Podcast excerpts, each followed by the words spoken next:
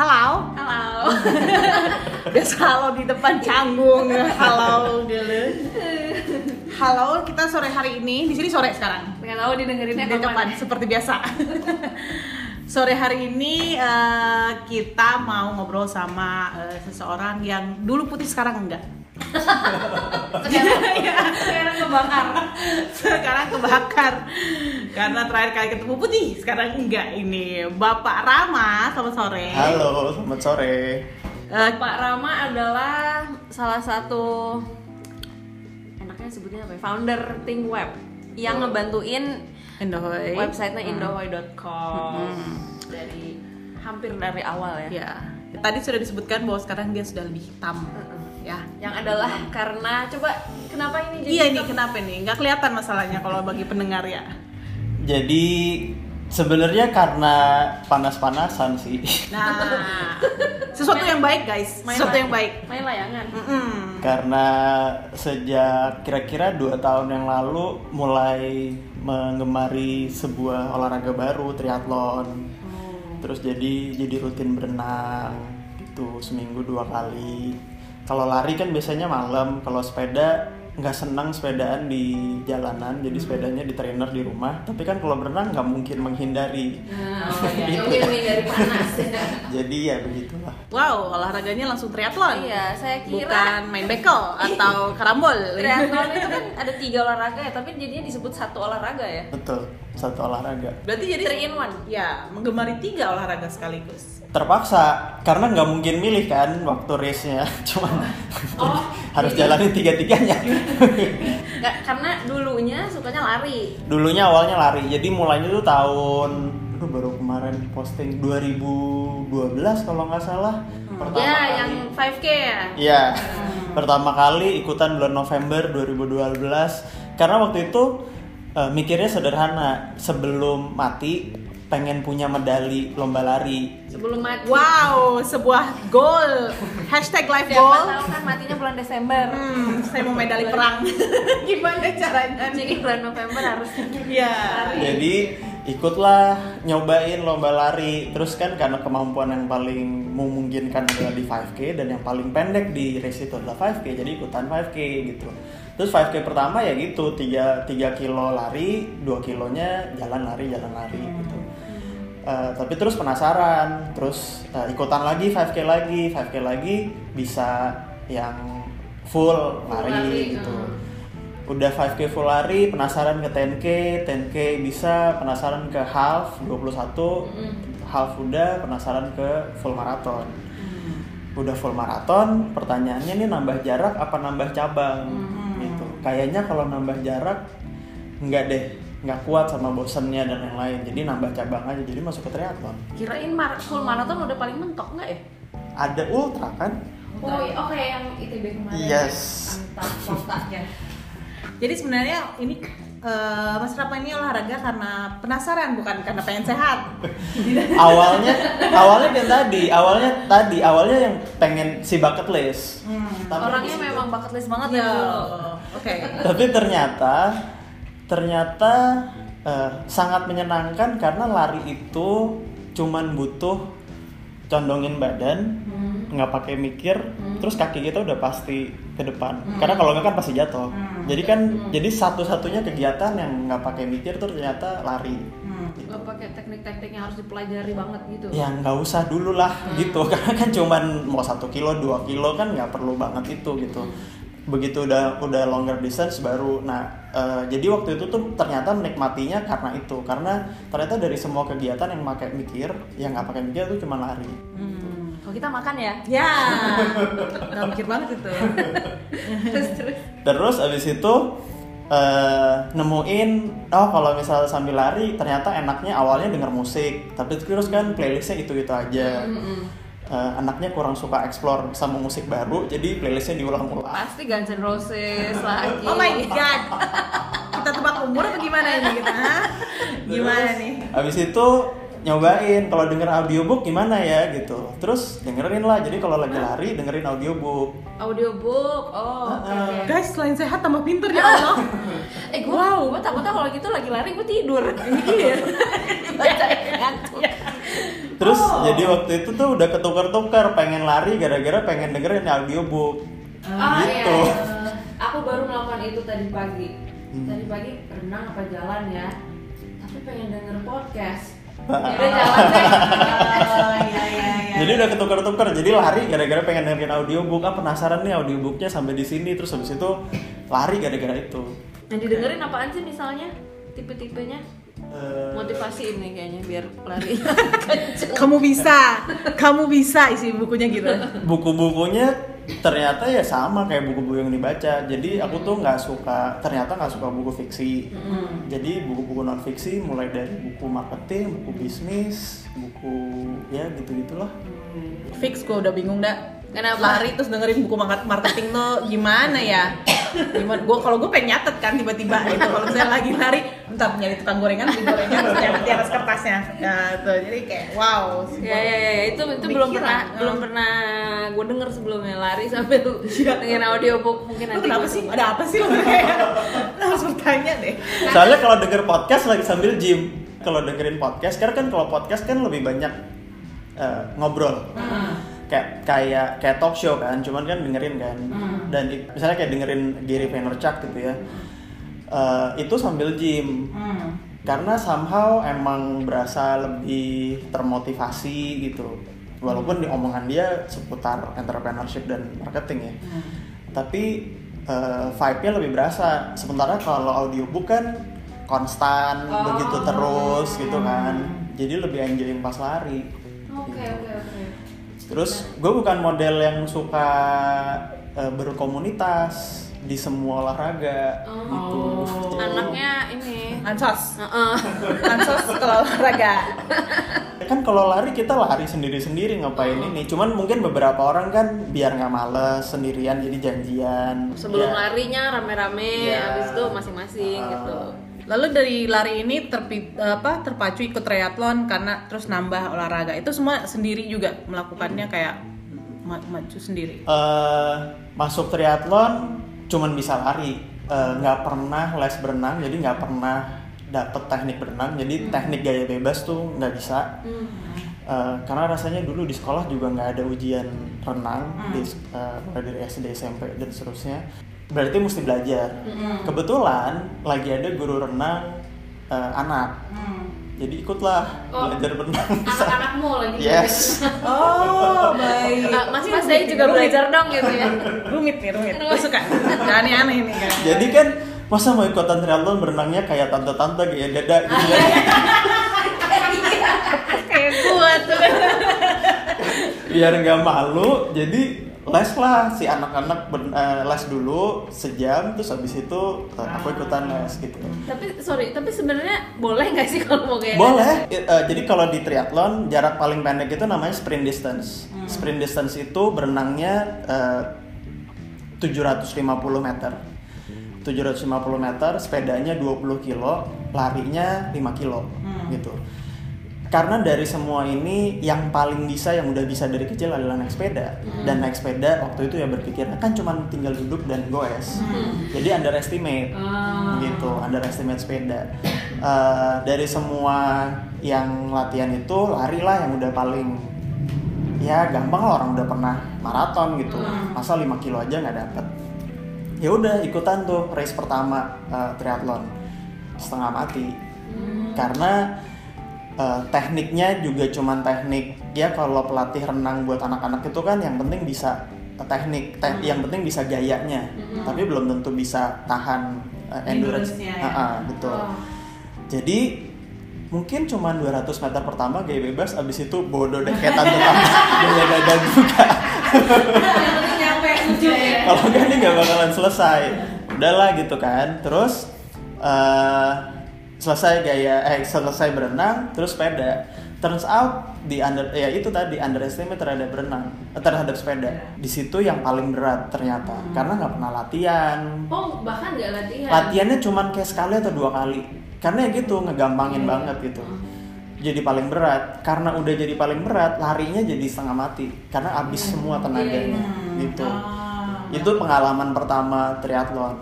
Tapi sama itu di Bintan Oh. Pulau Bintan ya. Iya di soalnya saat itu eh, triathlon tuh belum sepopuler sekarang Hmm, yang itu untuk tahun berapa itu 2015 kalau nggak salah. Oh.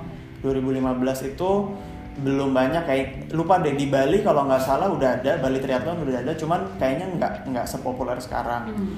Bintan Triathlon udah ada bahkan di tahun itu aja kalau nggak salah dia bilang ini tuh belum lama eh, bayar-bayar. Jadi dia di kompleks Lagun Resort kalau nggak salah. Itu selam, sebelumnya bayar-bayar di situ tuh pakai Singapura dolar kayak jadi baru aja dia tuh emang terbuka buat di Indonesia gitu. Jadi triathlon di Bintan itu itu tuh kayak family triathlon banget. Jadi ada triathlon menarik banget deh. Ada ada uh, activity yang memang buat anak-anak. Jadi emang ke situ antara family uh, trip gitu uh, triathlon terus triathlonnya ada sprint ada Olympic distance Uh, terus ada yang buat anak-anak tuh di hari sebelumnya. Buat anak-anak nggak ada sepedanya, duathlon jadi cuman berenang sama lari. Terus kalau di uh, Bintan Triathlon itu kebanyakan memang pesertanya dari Singapura. Hmm. Paling tidak saat itu ya. Kalau mungkin kalau sekarang udah udah dari Indonesia udah lumayan banyak.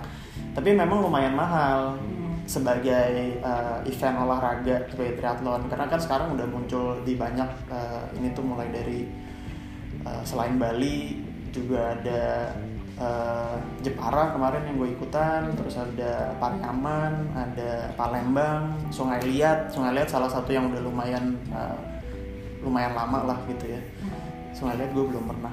Tapi dari semua itu Bintan lumayan mahal karena dia berjalannya di kompleksnya si Bintan itu sehingga segala sesuatu yang ada di situ tuh mahal resort sih ya Iya, betul. Di Bintan tuh ada ada dua event triathlon. Satu Ironman 70.3 Hmm. Bintan. Gitu. Itu dia kayaknya baru yang ketiga atau yang keempat gitu. oh, gitu mon Bingung gua, banyak banget keringetan gua dengerinnya juga kayak wow ini. Laper ya dengernya. iya. Perlu nggak mikir nih kayak gila. Luar biasa hobi. Mikir ngumpulin perangko aja cukup. Kayak kan triathlon gila. Dan lo udah ngikutin di daerah mana aja persisnya? Palembang yang belum kan ya? Ke- kalau di di Indonesia yang udah pernah di eh, eh, Bintan waktu itu ikutan yang sprint distance yang pendek. Terus habis itu yang eh, tahun berikutnya ikutan yang eh, full distance, yang Olympic distance-nya, yang eh, jarak eh, jauhnya. Terus habis itu ikutan Bali, jadi ada di Bali. Terus kemarin nemenin eh, barengin istri tepatnya itu di Jepara. Jepara yang kemarin tuh baru yang Jepara? kedua kali. kemarin nih kapan sih Bulan Agustus. oh Agustus. 2019 Ya. Jadi berenangnya laut Jawa nih. Eh, di atas. Di atas kan? Laut Jawa tuh di atas. Iya di atas. Ah, ah. Oh. Itu- udah ada. Udah, dan itu enak banget dan itu itu potensial banget menurut gue. Hmm. Karena satu-satunya triathlon yang nggak perlu pakai pesawat. Jadi Hmm. bisa bisa road trip. Karena kan triathlon itu sepedanya bawa sendiri. Hmm. Jadi harus ada jadi ada effort bawa bike bag yang segede-gede itu. Hmm. Kalau misalnya bisa road trip itu kan bisa masuk ke bis atau apa pun Hmm, itulah gitu ya, bareng-bareng sama teman dan lain-lain. Jadi kemarin aja gue ke sana naik mobil Hmm. karena kita sekeluarga terus naik mobil bawa dua sepeda semua all pack di satu mobil gitu terus lautnya tuh kayak kolam renang nggak ada ombak Hmm. Ya. enak Oh, banget iya. enak banget jadi coba di laut selatan Wuh, hilang hilang sama sepedanya juga hilang Iya. Itu namanya lomba survival, bukan lomba triathlon. terus dia eh, race-nya agak mirip sama Bintan tapi lingkungan resortnya bukan resort sih tapi kompleksnya itulah. Itu lebih kecil Hmm. di Pantai Bandengan. Terus dia ada kompleks kayaknya kompleks si Pantai Bandengan itu deh. Teman tempat wisata ada Heeh. hotelnya Heeh, gitu. Karena ada beberapa hotel dan resort di dalam situ. Tapi kecil. Hmm. jadi dia kayak bikin kayak jadi larinya tuh cuma di dalam situ. Hmm. itu sampai tiga loop yang pen, eh, kita aja dua loop terus berarti yang gede berarti empat. Dan itu cukup membosankan kalau dia terlalu pendek lah. Hmm. gitu. Indonesia itu sih. Ramai nggak sih? Jepara? Yang ikut? Jepara belum terlalu karena dia baru tahun kedua. Jadi kalau dari pengalaman ya, kalau dilihat ini sebenarnya salah satunya yang penting konsistensi dan tentu aja mesti makin lama makin baik gitu. Hmm. Kayak podcast ya harus Ya konsisten. iya. Tolong think web bagaimana ini juga kalau mau bikin audio. Soalnya kelihatan banget eh, yang memang secara konsisten dibikin dan memang memang apa ya eh, terus-terusan gitu kayak Borobudur maraton. Borobudur maraton itu walaupun gue cuman baru ikutan eh, sekali.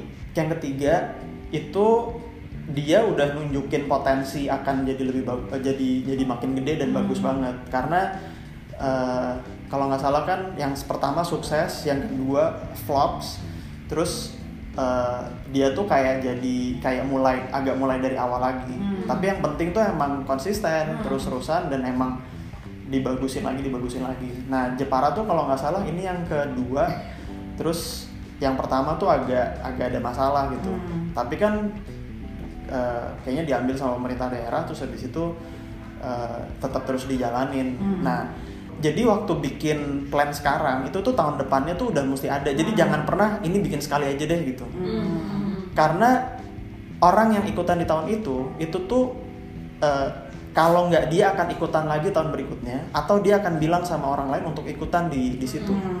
Gitu. Jadi kalau misalnya bikinnya cuma sekali itu udah pasti nggak balik modal sih. Hmm. Jadi kayak mesti di break jadi 2 sampai 3 untuk kelihatan bahwa ya ini tuh memang harus seperti ini nih gitu. Kayak sacrifice-nya di tahun pertama abis itu karena orang pasti akan balik lagi balik lagi. Karena ya itu karena olahraga itu kan kalau traveling liburan itu kan dia tujuannya adalah liburan. Habis visit terus ya udah gitu. Kalau ini tuh ada unfinished business gitu loh. Kalau nggak berhasil atau pengen lebih cepet Hmm. Kenapa kenapa dia harus ngulang? Karena dia udah tahu course-nya, dia udah tahu jalurnya. Oh, tahun depan gue bisa nih lebih baik. Gitu ya. ah, gitu. Nah itu tuh bedanya di di sports traveling tuh jadi kayak gitu tuh di di race traveling ya, karena ada ada rute yang memang sengaja mau diulang supaya waktunya jadi lebih bagus. Gitu. Gue jadi pusing berarti kok gue traveling pengen balik, pengen balik lagi? Ada program? Ya, itu kembali lagi. lu, oh iya mungkin. betul. Udah ke sini eh kenapa gue nggak ke sini ya? Keburu pulang. Oh ya tahun nanti ke sana lagi ke sana lagi. Ada program gitu. Tapi oh jadi ya eh, apa namanya kalau mau- ada target yang selalu dicapai ya akhirnya kembali ke situ lagi ke situ lagi. Oh oke. Kalau misalnya udah udah beres gitu ya, terus biasanya pengen nyari tempat lain. Hmm. Jadi kayak misalnya gue tuh ngambil half maraton pertama kali di Bali Marathon. Hmm. Eh, tapi habis itu nggak kepengen ngambil full maraton di Bali. Walaupun kepikir ya apa ngambil di Bali karena belum pernah gitu. Tapi eh, rutenya tuh kurang lebih udah udah kebayang Oh. ambience-nya gitu. Akhirnya ngambil full maraton lagi di Borobudur, Borobudur Marathon gitu. Walaupun nggak se eh, agak-agak mirip tapi beda sih, nggak se-fun di di Bali gitu. Tapi vibe-nya mirip makanya eh, dua ini paling enggak dan berharap mungkin yang lain ya bertambah. Ini tuh punya potensi banget gitu. Potensi untuk Eh, menarik. tourism. Nah, oke. Jadi ketika udah masuk di kalender tourism, sport tourism Ah, gitu, ya. bahwa bulan segini ada di Bali, bulan ini ada di Borobudur gitu, bulan ini ada di mana. Terus orang jadinya udah udah runut. oh, udah udah mempersiapkan Ah. ya kayak orang-orang juga pada nggak tahu lari maraton atau apa ada yang di ke Berlin lah Nah, kayak ke itu. New York kayak itu gitu kan itu namanya World Major Marathon. oh ya World Major Marathon dari eh, Abbott kan itu kan ada enam kota di Hmm. seluruh dunia ada Tokyo, Berlin, London, Chicago, New York sama Boston. Hmm. Eh, kalau udah full 6 enamnya, terus dia dapat medali khusus. Jadi ada goal kan. Nah itu tuh bisa banget dibikin di sini. Jadi emang jadi satu rangkaian gitu. tolong ya Bapak Wisnu Tama jadi gini kami penjual Yakult Abang jadi jual Yakult tapi ini sebuah ide ya Ah, itu bisa banget Ada Borobudur, eh sorry, ada Bromo. Oh, Bromo Bromo dulu juga gue pernah ikut. Eh, Bromo itu 10K-nya rasanya kayak half. nanjak bos Nanjak. Jadi kan gue biasa latihan di GBK ya. flat dong gitu. terus waktu ngambil mau ngambil waktu sampai di sana mau ngambil respect jeepnya nanjak terus. Tenang pasti nanti ada flatnya. Nggak ada. Nggak ada. Nggak ada bahkan nah terus sekarang itu kan ada BTS Bromo Tengger Semeru Uh, lewat kebun orang gitu ya Iya. oh permisi asal nggak diinjek-injek aja Iya, betul. bunganya Uh. Jadi kalau kalau maraton memang lumayan banyak, cuman yang kayaknya masuk di kalender yang udah cukup rutin, terus penyelenggaraannya agak bagus itu eh, nggak banyak. Hmm. Di Jakarta aja juga yang penyelenggaraannya agak bagus. Jak- Jakarta tuh maksudnya Jabodetabek ya, termasuk Alam Sutra. iya itu eh, nggak semuanya rapi gitu. Eh, karena kalau gue tuh agak rewel sama begitu-begitu organisernya, penyelenggaraannya, termasuk tempat eh, kayak gitu-gitu itu tuh berasa banget. Kayak Jepara tuh belum berasa komersial tuh maksudnya kan sebenarnya kalau misalnya buat kita nggak terlalu masalah sebenarnya ngeluarin uang, Hmm. tapi kita juga dapat sesuatu Iya. gitu. Nah gimmick-gimmick itunya tuh belum berasa. gitu. gimmick apa sih yang biasanya men- paling menarik Atau gini deh, misalnya mereka memang sudah menggarap kerjasama sama hotel-hotel. Hmm. Jadi mereka udah bikin udah, udah bikin paketnya. Jadi kalau kayak Bali Triathlon itu jadi dia ngambil respectnya itu di hotel partnernya, Hmm. hotel official partnernya dia gitu ya. Nah itu start dan finishnya memang di dekat situ, Hmm. dekat hotel itu. Jadi walking distance banget. Nah gue tuh agak rewel, agak bener-bener nyari yang kayak gini-gini nih. Uh, official hotelnya di mana? beberapa kali bahkan hampir setiap kali itu gue booking hotel duluan sebelum pembukaan race-nya dibuka Oh. karena punya pengalaman nggak enak eh, dapat hotelnya jauh Hmm. Oh, udah iya. capek terus mesti pulang Mending kalau ada taksi, kalau nggak ada gimana, ya lari lagi tambah lu ininya olahraganya bos Iya. sepeda. atau bahkan gini sempet daftar Ironman di Haugesund di Norway Hmm. Eh, itu karena sangat khawatir nggak dapat hotel eh, mau daftar dari 2018 Hmm. race yang 2018 aja belum mulai belum selesai. Iya gue udah booking hotel. Hmm. ujungnya nggak ikutan nggak jadi ikutan tapi angus. Nggak Oh. belum sempat baru bilang doang Hmm. gitu. Jadi kan dikira-kira nih karena biasanya kalau kayak Ironman gitu bulan-bulannya tuh kurang lebih sama. Hmm. jadi hampir setiap race tuh emang bulannya tuh kurang lebih sama. Bulan apa tuh beda-beda Beda. gitu. Dan- tapi oh, di oh, bulannya bulan apa? itu Gua di Norway di Norway kemarin harusnya Juni. Oh oke oke. Di musim panasnya dia ya harusnya. Iya. tapi kan tetap aja Iya, Norway. panas Iya, panas. Iya, betul betul betul. iya. Gitu nah itu kira-kira di bulan itu deh gitu. Nah terus eh, waktu itu gue sempat ngemail ke organisernya eh lo tahun depan itu kira-kira akan bikin di tanggal berapa? Terus dia bilang kira-kira tanggal ini deh gitu. Terus gue langsung booking hotel. Nah, booking hotel ya saya mau di sini gitu. Nah eh, waktu nggak jadi terus gue bilang aja nggak jadi gitu. Abis itu terus baru daftar race. Jadi agak daftar race tuh eh, bisa dibilang kalau misalnya kita udah dapet duluan udah bisa kira-kira duluan bisa jadi daftar hotel duluan. Tapi kayak Bali Bali tuh agak Bali maraton, Bali triathlon tuh lumayan padat banget tuh, cepet banget abisnya kayak Oh, gitu-gitu. iya, iya. Jadi tuh biasanya sebaiknya di waktu yang bersamaan ini kayak nonton konser banget. Hmm, iya iya. Langsung FOMO gitu. kalau Iya, begitu buka langsung daftar, kalau bisa di hari yang sama langsung booking hotel. apalagi kalau Bali tuh orang mungkin yang nggak ikut lari pun eh ada ramen ada seru nih atau temennya temennya ikutan Hmm, sekalian, ikut ah, ngeramein gitu. itu banyak banget yang gitu ya. Yang luar negeri jadi udah ikut di mana aja?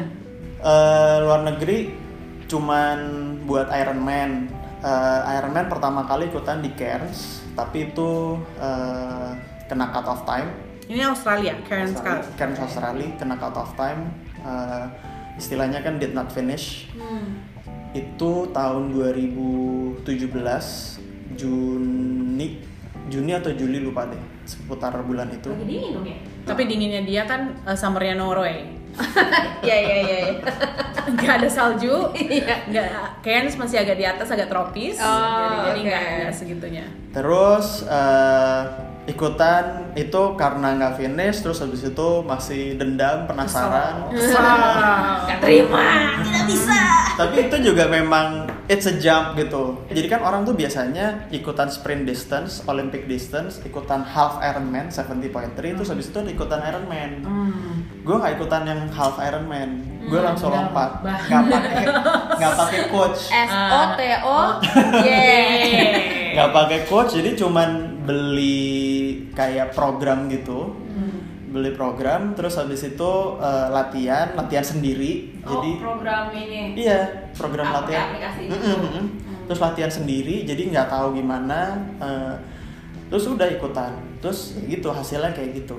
Eh, terus eh, daftar lagi di Basselton Basselton di eh, nama Ironman-nya Ironman Western West Australia. Eh, nah di Basselton itu bulan Desember 2017 tuh Di tahun yang sama, Bu. Ya, ini de- tolong di ini dicatat di tahun yang sama dendam.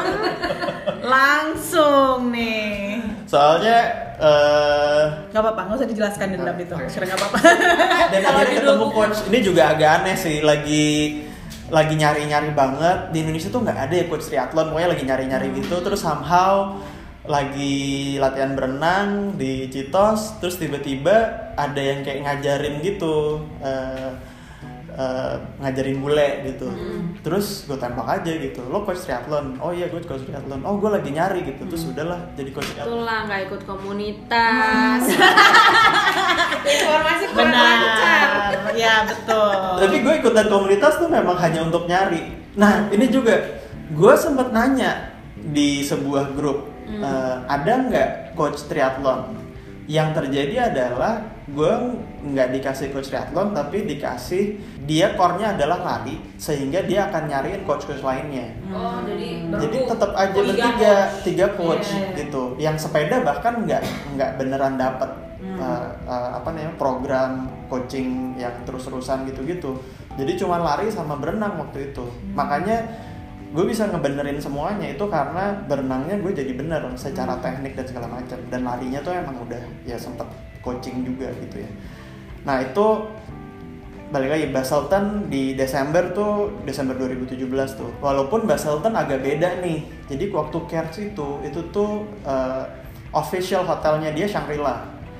Uh, kalau Ironman karena jaraknya jauh dia macam-macam sih modelnya ada yang start dan finish di tempat yang sama Cairns startnya di tempat yang beda jadi startnya tuh jauh gitu kayak sejam Uh, terus habis itu finishnya di Shangri-La ini.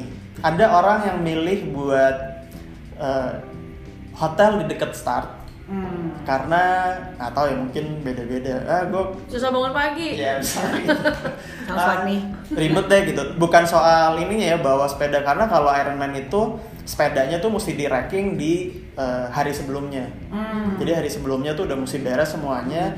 Di hari race tinggal datang tuh pagi-pagi jam 5 pagi datang ke tempatnya. Nah itu ada yang lebih milih hotelnya di dekat situ, Mhm. ada yang milih hotel di dekat tempat finish gitu. Langsung blok gitu ya habis selesai. Di lobby. Gue tahu, gue tahu bahwa gue nggak bisa susah payah setelah finish, jadi gue nyari hotelnya yang di dekat tempat finish Hmm. gitu. Nah itu eh, dia hotelnya di Shangri-La itu adalah official hotelnya, terus habis itu deket sama tempat finishnya. Habis finish terus habis itu cuma tinggal jalan sebentar, terus sampai di Tepar di lobby. Iya. Iya. Nggak usah sampai kamar. Itu itu minta dianterin ke kamar pakai tempat Iya. itu loh yang koper. buat koper. Nah, didorong, didorong gitu. Eh, race di luar lagi yang baru selesai kemarin eh, Ironman Malaysia Langkawi gitu Eh, agak beda ternyata jadi ikutan race di terutama Ironman ya di Australia itu itu standarnya jadi tinggi banget Oh. Oh gitu. Permisi Pak ya. Jadi tinggi nih standarnya Pak ya. Oke. contoh nih ya baru tahu kemarin di Ironman Malaysia itu kan jadi dia modelnya eh, kalau kalau buat yang full full full di Ironman itu kan berenangnya 3.800 meter Hmm. 3,8 kilo dia dibikinnya dua loop jadi 1,9 1,9 dua kali gitu Ironman Malaysia ternyata ada pit stopnya yang ngambang Mimi mimi dulu. Enggak. Gimana tuh? buat istirahat Oh. gitu. Sementara Bentar, bentar, bentar. Ngambang tuh gimana tadi maksudnya? ya gitu ada platformnya? Iya ada Oh, ada platformnya. platformnya. Bahkan Foto-foto orang- Instagram Hmm, dulu iya. kayak. bahkan orang pegangan di pelampung jadi kan kalau buat treknya kan ada ada pelampung terus ada bendera bahkan orang pegangan di pelampung itu dia nggak kena nggak Oh, nggak kena apa-apa waktunya nggak di- dikurangin nggak di biasanya di ada peluit kayak gitu-gitu itu tuh nggak apa-apa gitu mungkin karena ini memang baru jadi ada beberapa tuh yang memang di adjust supaya lebih banyak yang ikutan ikut, hmm. Oh. di Bali aja di Bali aja Bali Triathlon ya kayaknya lumayan galak sih eh, marshallnya gitu ya jadi Hmm. kalau ada yang itu itu nggak boleh kayak gitu gitu Hmm. waktu gue ikutan yang di itu tuh ombaknya gede banget itu Wow. sampai yang sampai kayak limbung gitu berenang tuh Iya iya. karena Oh, iya, saking iya, iya, gedenya iya. gitu Hmm. ombaknya mau pegangan di apa di tali di pelampung itu nggak boleh gitu kalau ini emang dari awal mereka bilang bahwa kita punya eh, apa pit stop buat rest. Hmm. atau kalau misalnya nggak kuat angkat tangan aja nanti didatengin marshal lo bisa hang di di boatnya di, di pelampungnya gitu. Australia eh, segala sesuatunya rapi emang di organize-nya. Ya karena memang pengalaman Udah terus lebih sering ya. lebih sering. Di Australia itu ada tiga Ironman. Di Cairns, Basselton, sama di Port Macquarie. Pasti nanti udah udah daftar pasti buat Australia lagi nih. Belum. Oh, belum. Cairns di jadwal 2021 kayaknya, Hmm. karena udah lewat puasa. Jadi yang kemarin gue ikutan itu pas lagi di tengah-tengah puasa. Terus ada hari sebelumnya puasa. Insya Allah Jadi amalnya diterima. Puasa, jadi pas latihan sempet puasa. Iya, lemes juga. Iya. Jadi oke deh, ini ada unfinished business dan Cairns bagus banget, bagus banget. Apanya? Acaranya atau Scenery-nya. tempatnya? Oh. Scenery-nya bagus banget. Eh, Bintan view-nya agak-agak mirip tapi nggak nggak karena lebih panjang kan, lebih panjang dan Cairns itu lebih hillis, naik turun kayak gitu-gitu. Tapi bagus banget. Hmm. Sementara Basselton tuh flat, flat banget kayak Bintan juga flat kan ya? Bintan relatif naik turun. Oh iya? Relatif Oh kita naik mobil jadi Iya kayaknya betul. flat ya. Aja. Terus, nah ini ini contoh lain soal soal standar tadi ya. Eh, di Cairns dan di Basselton dua-duanya itu steril jalanannya. Hmm. Jadi sepeda, jadi di trek sepeda itu nggak ada mobil sama sekali nggak ada. Sehingga waktu gue ikutan Bintan Ironman itu lumayan kaget sih. Hah kok nggak steril? Iya. Kok di tanjakan gue mesti beradu sama truk gitu. Mau nyusul nggak kuat. Itu penduduknya berapa di Australia Pak ya? Satu Jakarta doang Pak. Domba ada nggak? mau nyusul truk tapi nggak kuat tapi di belakang truk dapat knalpot Oh, dapat iya. asap knalpot kayak gitu gitulah yang yang kemudian ternyata di Malaysia pun juga sama kayak Bintan jadi memang kayaknya Australia yang memang mungkin karena orangnya juga jauh lebih banyak yang senang sama olahraga ya. Hmm. jadi mereka juga concern banget dan ini salah satu yang gue suka suportif banget Hmm. Si orang-orang lokalnya. lokalnya. Cairns itu sampai tengah malam bisa semuanya tuh nungguin sampai bener-bener selesai. Dan semua orang yang lewat tuh ditepok- ditepokin, bukan cuma temennya ya. Mungkin di sana nggak ada hiburan. Bener. Kalian adalah hiburan mereka. Gitu. Iya iya iya. iya. Jadi mereka suportif banget. Eh, Basselton juga ternyata gitu. Jadi emang kayaknya ini tuh udah jadi kayak mungkin bagian dari habit mereka dan mereka dan buat yang ngejalanin berasa emang kalau lagi lari di support itu tuh energi yang didapat tuh berasa banget. Nah kayaknya tuh gara-gara itu terus mereka juga yang kalau saya nggak ikutan saya mau jadi supporter. Nah di Indonesia eh, yang seperti itu tuh baru di ya kalau di kayak Jakarta Marathon itu iya tapi karena komunitas. Hmm. Jadi nge Orang ya. lain mah masih tidur di rumah. jadi support temennya gitu loh Iya. dia nggak nepokin orang lain gitu kalau kalau yang di luar tuh bener-bener mereka ngebacain ini ngebacain tulisan nama gitu terus mereka sebutin mereka tepokin gitu Lain ayo kali gue kalau lihat orang lagi lomba gitu Gue mau tepokin ah. ya iya bangun ya jam lima Bangun. iya. Keluar apa enggak nggak tahu.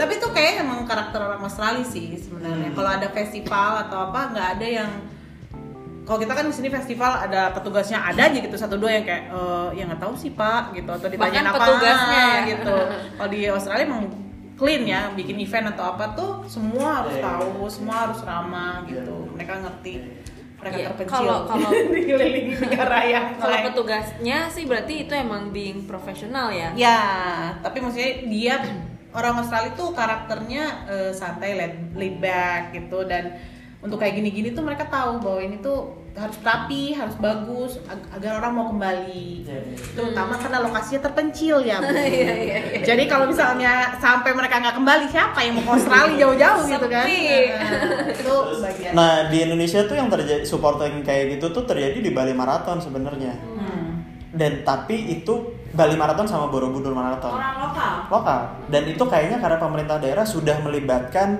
utamanya sekolah-sekolah Untuk untuk Jadi support. volunteer. Jadi yang menarik adalah di hampir di setiap depannya eh, SD negeri itu eh, dan nggak cuma SD ya, tapi ada tempat-tempat lain. Mereka memang memang di depan terus habis itu eh, teriak-teriakin gitu. Sorai. Ada yang pakai kostum, ada yang nari, ada yang jadi macam-macam.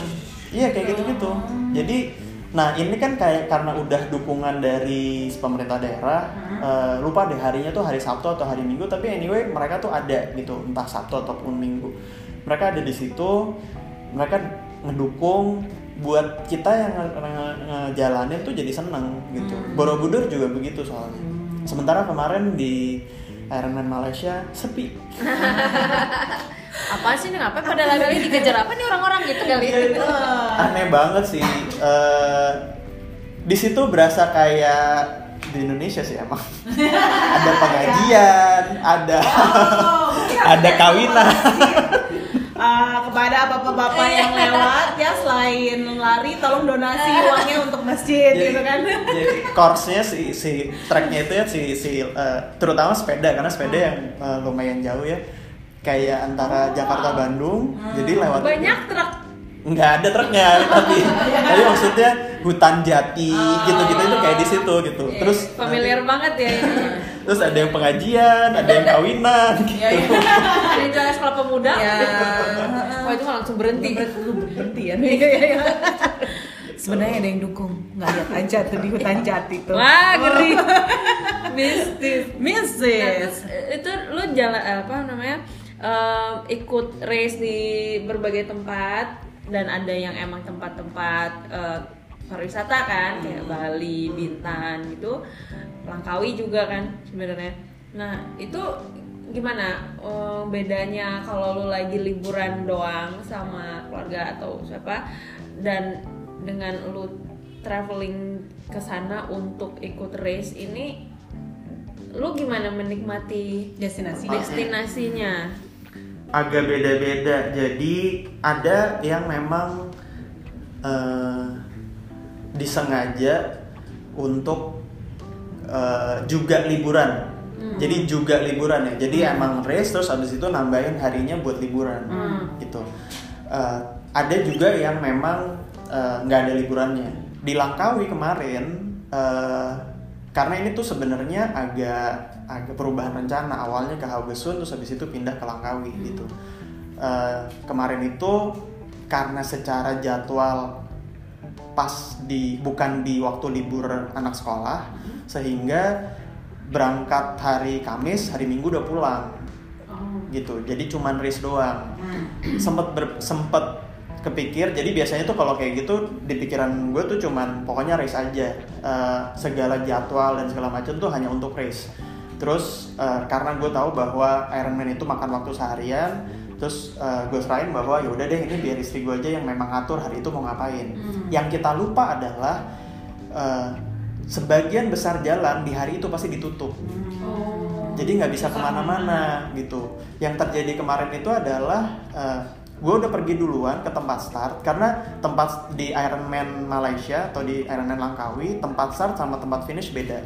Tempat startnya tuh agak 40 40 sampai 50 menit dari tempat eh, apa dari hotel dari hotel gue karena gue milih hotelnya di dekat tempat finish di tempat finishnya. Jadi gue udah pergi duluan terus habis itu eh, istri sama anak-anak baru nyusul gitu. Eh, ternyata karena banyak jalan ditutup mereka stuck. Oh. karena macet karena kan buka tutup kan jalannya gitu. Mereka tuh bisa baru bisa balik lagi ke hotel baru jam satu gitu. Jadi ya udah nggak bisa ke mana-mana. Mereka mau ke tempat wisata lain pun itu susah. Duluan siapa nyampe? ke hotel? Gua selesainya jam 12 malam Oh, lama Dua belas malam. saya, ya, ya, ya. Wah. lalu tepar di lobi tadi ya langsung ini Oh pingsan my god, 12 Lebih Dari jam berapa pagi? Jadi total kemarin tuh agak-agak di luar ini sih eh, kelebihan 30 menit dari target kemarin total 16 setengah jam Ya tiga 30 menit itu apa ya? Nggak usah itu kayak kita 30 makan gitu udah 30 menit itu. 30 menit dari 16 jam tuh nggak berarti. Nggak ada, nggak berasa. Beda untuk yang Buat kita, target. eh, itu- Ya, tapi masuk memang- target. Atau gue cerita gini dulu, kenapa gue jatuh cinta sama triathlon? Hmm. Karena buat gue seperti filosofi hidup gitu. Eh, ada soal diri, kemampuan diri, ada soal alat, sama ada soal alam. Kemampuan diri itu mulai dari niat, semangat, ke- ke- kemampuan otot sama tenaga gitu ya, energi sama tenaga. Eh, udah niat segede apa pun, kalau misalnya ototnya nggak kuat ya mau apa? Kalau misalnya tenaga eh, ototnya kuat tapi tenaga nggak tahan, nggak endurance nggak bisa lama juga nggak bisa selesai juga akhirnya injured gitu. Jadi eh, ini adalah hal-hal yang bisa kita manage karena diri sendiri. Terus habis itu alat karena kan triathlon mesti pakai sepeda. Di tengah jalan banyak kempes, bocor, lantainya putus atau apa pun itu gitu ya nggak bisa apa-apa walaupun kita bisa menyiapkan sebaik mungkin. Yang terakhir adalah alam.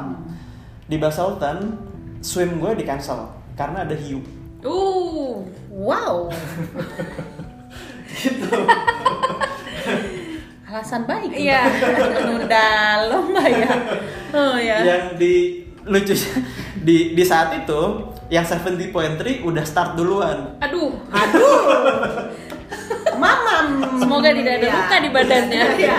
tiba-tiba ada helikopter banyak gitu terus habis itu eh, ada si bot-bot terus nyamperin eh ini diberhentiin ayo kalian naik kalian naik gitu belum dikasih tahu Oh, iya, disuruh iya, naik iya. kenapa gitu sampai di pojok ya ada hiu soalnya Kalau nggak panik ya. Ah, orang nggak tahu kalau misalnya di Australia terutama selatan itu hiunya great white biasanya Hmm. great white shark dan itu yang model memang bisa makan orang Hmm. ada beberapa kasus karena mereka berpikir kita Hmm. uh, singa laut ya Iya.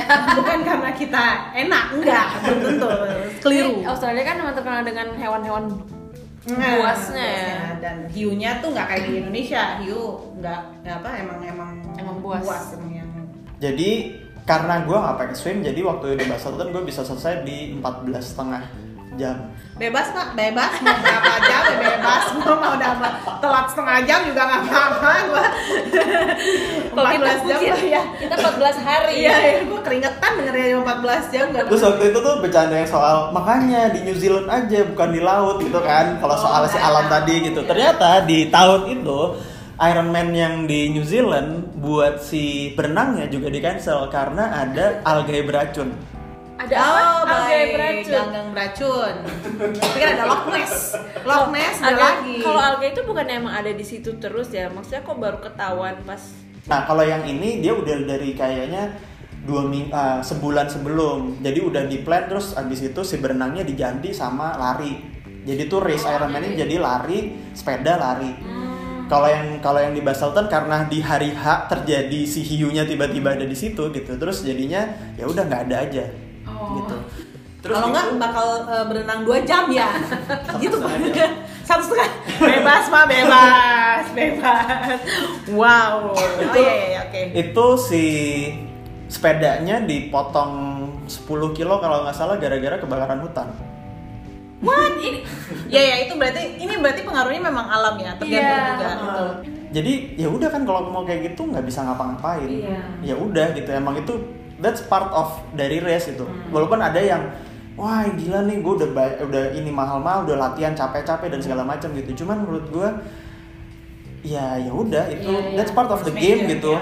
emang ya udah memang sesuatu Memang ya, dinikmati jadi triathlon ini filosofinya tuh kayak filosofi hidup banget Iya. ya. iya gue sih me- menjalankannya begitu ya tapi ya mungkin ada beberapa yang saya mau Ambisius. ambisius Iya, gitu iya, mungkin ya iya. tahu juga ya beda-beda lah tiap orang olahraga-olahraga ini termasuk maraton ya. Kan bukan olahraga yang bisa hari ini latihan besok ikutan race dan selesai gitu. Hmm. jadi kan memang persiapannya panjang.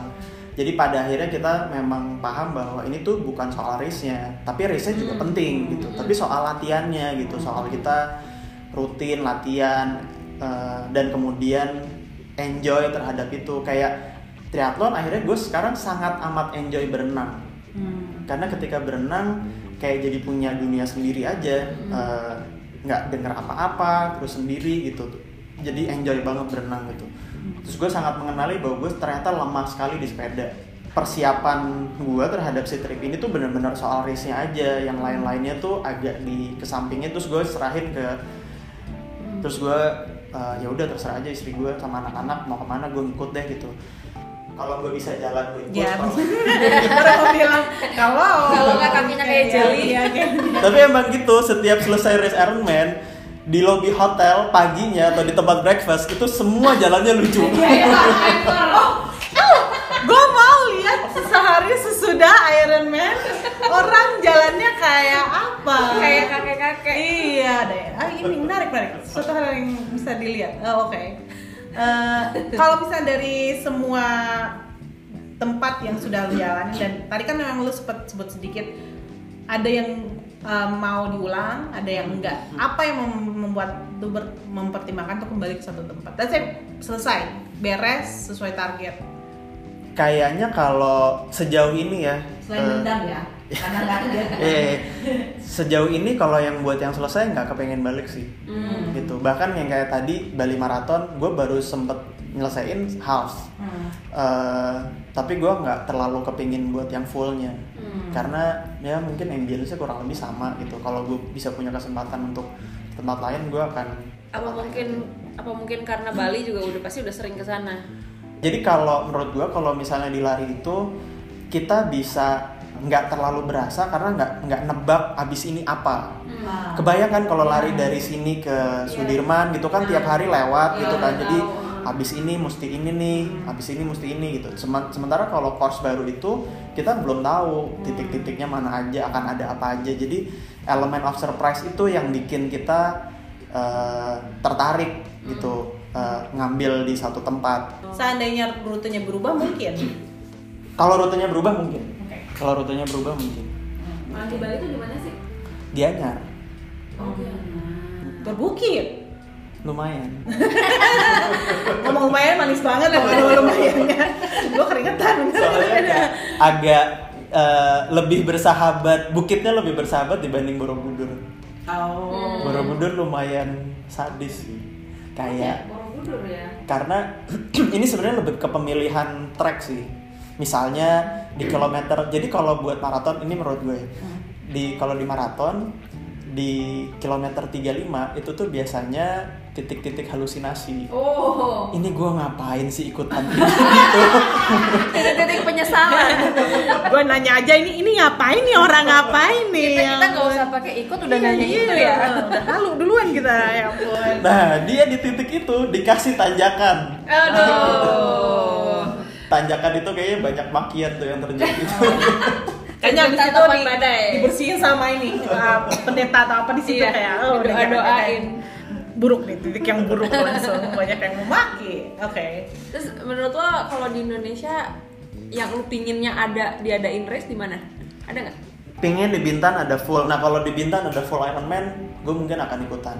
Pengennya di Ambon ada, Ah ya, tapi nggak tahu soal jalanannya. Eh, waktu kemarin kan sempat ada tour di Ambon Manise. Ah. Dengar-dengar sih eh, hillsnya gila sih. Hmm. Dan itu kalau buat sepedaan aja mungkin masih masuk akal. Masalahnya kan kalau Ironman abis sepedaan mesti lari Hmm. maraton gitu kan. Hmm, Jadi ya. Uh, uh, jadi mesti kayaknya mesti dikonsider tracknya terus kondisi jalanan tuh in- dan ini juga nih lagi-lagi nih gue jadi manja gara-gara ikutan di Australia gitu Hmm. Australia tuh kayaknya emang jalanan tuh bagus banget sih Hmm. Gitu.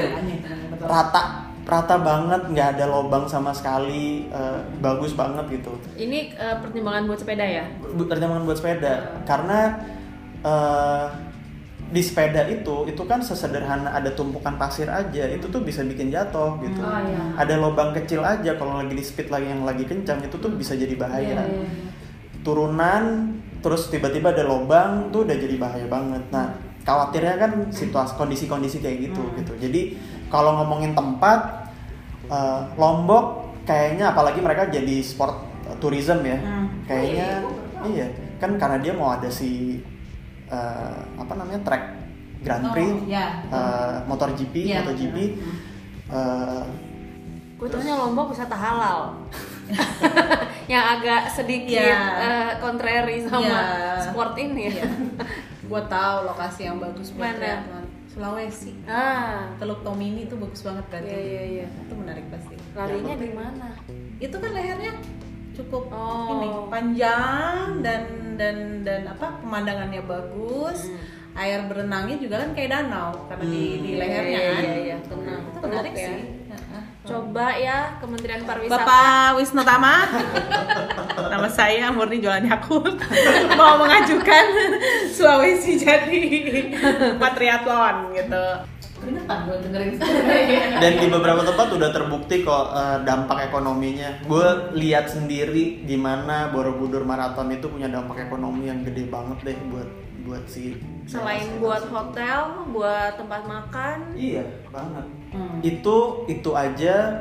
Itu tanpa persiapan ya. Tanpa persiapan tuh artinya kan kalau udah di manage sedemikian rupa berpartner sama organisernya partner sama hotel jadi dia bisa jualan paket Hmm. Nah, eh, Borobudur udah lumayan kayak gitu kemarin. Jadi dia ada eh, sebutannya race organizer, eh, bukan race organizer, race trip organizer.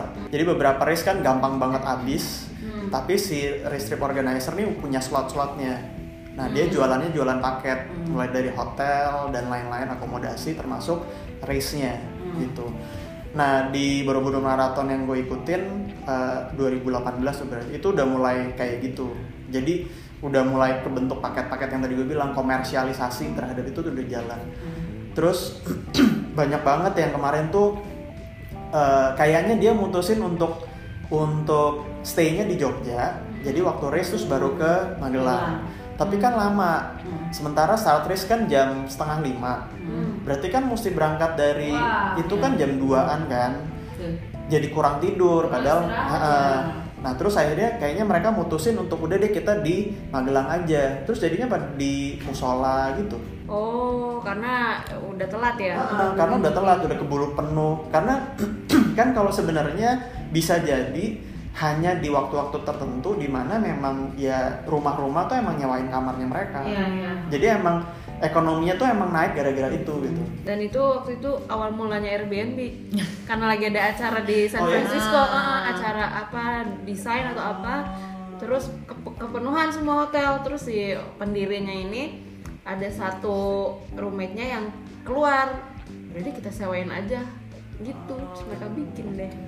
Iya karena di di spesifik di di hari itu karena waktu itu tuh kan berarti kan jadi kan kalau race itu pasti eh, kalau race-nya hari Sabtu atau Minggu ngambil race pack-nya tuh pasti hari Jumat atau Kamis gitu. Jadi mulai dari Kamis sudah bisa diambil. Jadi kan orang tuh akan paling tidak stay 3 sampai 4 hari tuh Hmm. untuk satu race Iya, gitu. iya, iya. Jadi itu udah lumayan banget dan udah pasti makan dong Iya. gitu. Itu juga kan pasti naik tuh. Hmm. Eh, hal-hal ini nih emang udah bisa ningkatin ekonomi Hmm. gitu loh. Udah Hmm. pastilah gitu. Iya.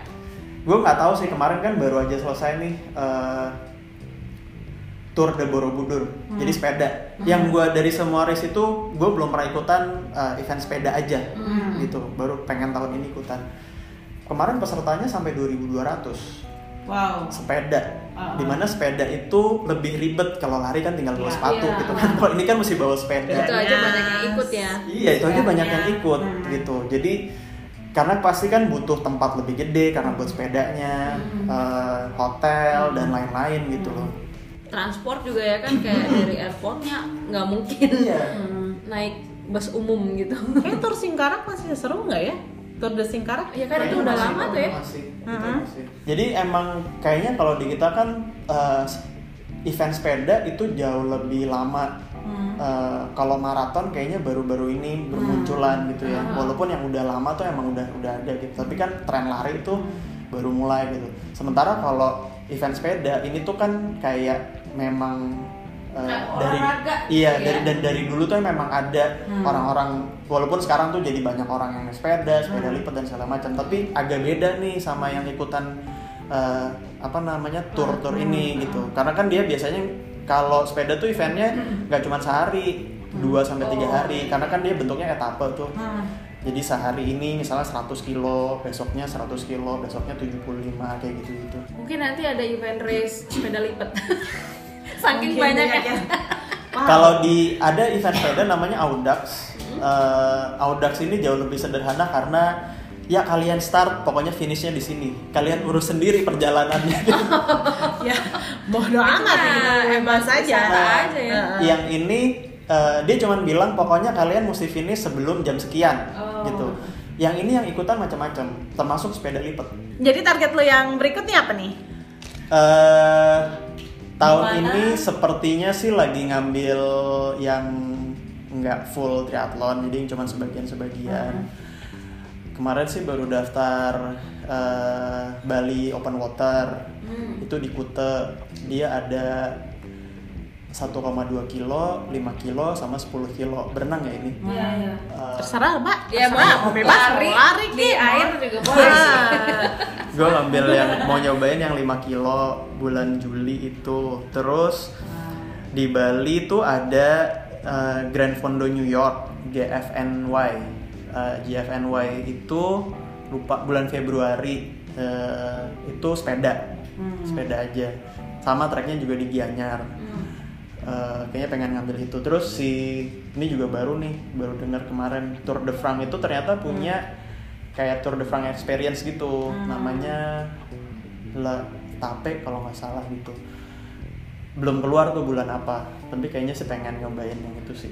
Itu bukan berarti itu bukan untuk lomba banget. Itu emang kayak apa eh, buat siapa yang mau tertarik coba rutenya atau gimana maksudnya? Sama sama event sama juga kayak kayak kayak triathlon dan segala, segala macam memang memang race juga gitu Hmm. memang race juga. Jadi mesti daftar dan segala macam. Hmm. cuman yang penyelenggaranya uh, ya si Tour de France kayaknya gitu. Hmm. jadi mungkin bagian dari promosi mereka kayak gitu Oh, kayak road to Iya, uh, ini ya, iya. event besarnya dia bikin yang kecil-kecil. maraton nggak tahu sih dari kepengen ngambil uh, si World Major Marathon cuman nggak tahu deh nanti lihat-lihat dulu dan mereka tuh sekarang sistemnya udah model ballot jadi kita daftar tapi kita belum tentu dapat ya ref, gini ya tergantung diambilnya pang eh Iya, jadi kan kan? ada macam-macam tuh. Karena banyak yang daftar ya. Uh, terutama buat dari luar Amerika ya. Kalau US resident mereka bisa langsung daftar. Tapi Hmm. kalau buat dari luar mereka batasin gitu. Jadi sekarang kalau menentukan destinasi liburan tergantung race. Nah, Ikut di mana? Ini juga kalau duitnya leluasa dipisah gitu ya. Oh, iya, uang guys ujung-ujungnya uang Semua udah. Tapi kalau misalnya eh, nggak memungkinkan, terus akhirnya terpaksa digabung. Makanya di agenda race yang gue udah masukin itu kebanyakan, terutama race-race yang kayak Ironman gitu, ngambilnya tuh memang di bulan liburan sekolah, antara Juni Juli atau akhir tahun gitu. Resikonya memang eh, harganya memang ya memang high season gitu Iya. ya tapi ya ya udah memang itu yang diambil. Jadi mungkin nggak tahu deh secara mungkin bedanya cuman di pesawat kali ya. Tapi kan kalau buat jarak yang lumayan jauh kan pesawat juga lumayan kan Iya. gitu. Karena eh, kalau ngambil trip barengan sama liburan ngambil race barengan sama liburan itu kan pasti udah ada race-nya terus ada liburannya gitu jadi emang dipisah naik. Heeh, jadi waktunya lebih panjang. Jadi kalau race cuma empat hari, terus ini jadinya eh, 10 hari misalnya gitu, atau jadi 8 hari karena memang empat hari yang berikutnya memang liburannya. Hmm. Gitu. Tapi sekarang tuh jadinya gitu agenda sekolah dimasukin, terus dicocokin sama eh, libur nasional gitu ya, kalau lebaran dan segala macam, terus sama agenda-agenda race gitu di ini mana aja nih yang bisa Itu semua yang nyocok-nyocokin Ibu Ines. enggak. Enggak. Kalau buat race saya bapak. apa ya tetep? Karena yang itu ya udah pokoknya disuruh berangkat berangkat gitu. Ya lo Nungguin guys booking-booking yang lain gitu ya. Yang penting nggak ngeres mana dulu nih, mau bapaknya yang mau yang mana bu? Anak-anak belum komplain sekarang. Udah. Udah besar. Kenapa sih bapak kalau jalan sama kita kakinya jelly gitu kan ya? Gimana? Jadi kalau ngambil sekarang akhirnya memang ada yang digabung. Kebanyakan digabung-gabung sih, gabung-gabung. Terutama nyari udah ngelis tuh kalau bulan Juni Juli itu ada di kalau Ironman tuh ada di Frankfurt, ada di Haugesund di Norway gitu. Di Asia sayangnya nggak banyak yang full Ironman, kebanyakan yang half. Nggak tahu kenapa. Mungkin karena peserta gitu. Jadi kayak di kalau di India tuh ada di Goa itu juga 70.3 di Subic Filipina itu kalau nggak salah full terus di Gurie di Korea itu juga full Tapi pas lo ikutan yang di Langkawi gitu, pesertanya lebih banyak orang mana sih? Eh, Asia atau Indonesia peringkat keempat ba- oh, karena Eh. memang banyak orangnya. tapi jadi eh, setelah Malaysia ya Malaysia nomor satu terus habis itu Thailand kalau nggak salah antara Thailand atau Filipina Hmm. antara dua ini terus Singapura terus baru Indonesia Oh, tetap orang Asia juga yang banyak ya. Iya. dan tetap Singapura paling banyak ini membuktikan bahwa nunjukin bahwa memang orang Singapura tuh lebih banyak yang suka olahraga Iya, iya, dan iya. aktif dan segala macam dan dia mungkin udah eh, yang paling deket kan Malaysia akhirnya Iya. Ironman-nya ya karena dia udah yang 70.3 di Bintan terus habis itu dia ngambil yang di fullnya di Malaysia Mereka biasa jalan kaki soalnya ke MRT. Tuh, sama dolarnya lebih kuat ya. Ya, Jadi ya iya, udah benar. lah, Benar. liburan aja. Itu pengaruh. Kalau memang elemen ketiganya alam ya Singapura alamnya agak kurang Iya. bisa ini ya, kurang kuat ya. Jadi dia jalan-jalan. Justru dia cari experience Betul. di negara lain. Tips Tips untuk jadi- yang mau eh, apa traveling buat triathlon Buat atau olahraga olahraga. ini, ya buat event olahraga. Eh, perhatiin tempat finishnya. Biasanya kalau maraton sih tempat start sama finish sama. Terus eh, kalau udah tahu tanggalnya, udah tahu eh, di mana tempatnya, walaupun race-nya belum buka, booking hotel aja duluan. Dan ini terutama buat maraton, terutama buat race lari lah. Mau ngambil yang full maraton, mau ngambil yang half gitu. Karena eh, akan nyesel sih kalau habis race mesti naik mobil lama, udah keringetan gitu kan. Apalagi naik Borobudur ya. Wah, kayaknya berat. jadi kalau jadi eh, hotel itu paling penting sih. Hotel itu paling penting. Kalau misalnya mau juga nyari abis race terus abis itu langsung massage, berarti juga pilih hotel yang memang ada massasnya atau paling enggak eh, di dekat situ ada dan segala macam gitu. Karena eh, it will be good kalau misalnya habis selesai race terus habis itu massage terus habis itu Tidur. tidurnya nyaman deh gitu. Apakah punya bak mandi, eh bak bathtub itu berpengaruh? pengaruh eh, tapi mesti agak persiapan antara eh, kan ada si garam yang buat eh, ini kan Oh, rose petal, ya gitu wine, tiba-tiba udah selesai kan? Ini buat Oh, iya. Oh, ada garam yang buat Relax. relaxin kaki atau dia itu ya. eh, atau minta es atau beli es yang banyak waktu selesai race terus esnya dibuat rendeman es Wah, tukang es. Iya, iya. Batu banget. Kenaikan ekonomi ternyata salah Iya. satunya tukang es. Sampai ke es batu. gitu jadi ini balik lagi mungkin karena gue manja tadi gitu jadi pikirin dulu soal akomodasi deh soal Wajar kok manja kalau habis lari. Iya, nggak apa-apa. Jadi pikirin soal soal akomodasi, soal hotel, soal kenyamanan apa yang mau dilakukan setelah dan segala macam. Habis itu baru daftar risknya karena daftar risk itu kan sebenarnya ya kalau mau early bird berarti mesti dulu duluan. Kalau enggak berarti ya memang mesti aware aja bahwa ini bukanya kapan. Terus segera daftar aja. Eh, karena di beberapa tempat kayak misalnya Bintan itu eh, beberapa orang terutama yang dari Singapura itu mereka mereka baru selesai race nih hari ini terus mereka langsung booking buat tahun depan. Jadi memang annualnya mereka gitu. Nah kita tuh kalau kalau eh, sport traveling itu itu tuh juga kom compete soal hotel tuh sama mereka. Ah, gitu. Sama yang Sama. memang Hmm. eh, eh, jadi kayak kayak Bali Triathlon itu bisa jadi memang udah dijadiin agenda tahunan. Selain kompetisi di lombanya juga, ada kompetisi di booking hotel. Iya. Iya, iya kan? Ya, buat kami-kami yang selesainya agak lama. gitu. buat kami udah kamu mungkin berkompetisi untuk podium, Oh iya, iya. berkompetisi untuk hotel. Iya, iya. Sebuah insight menarik ya.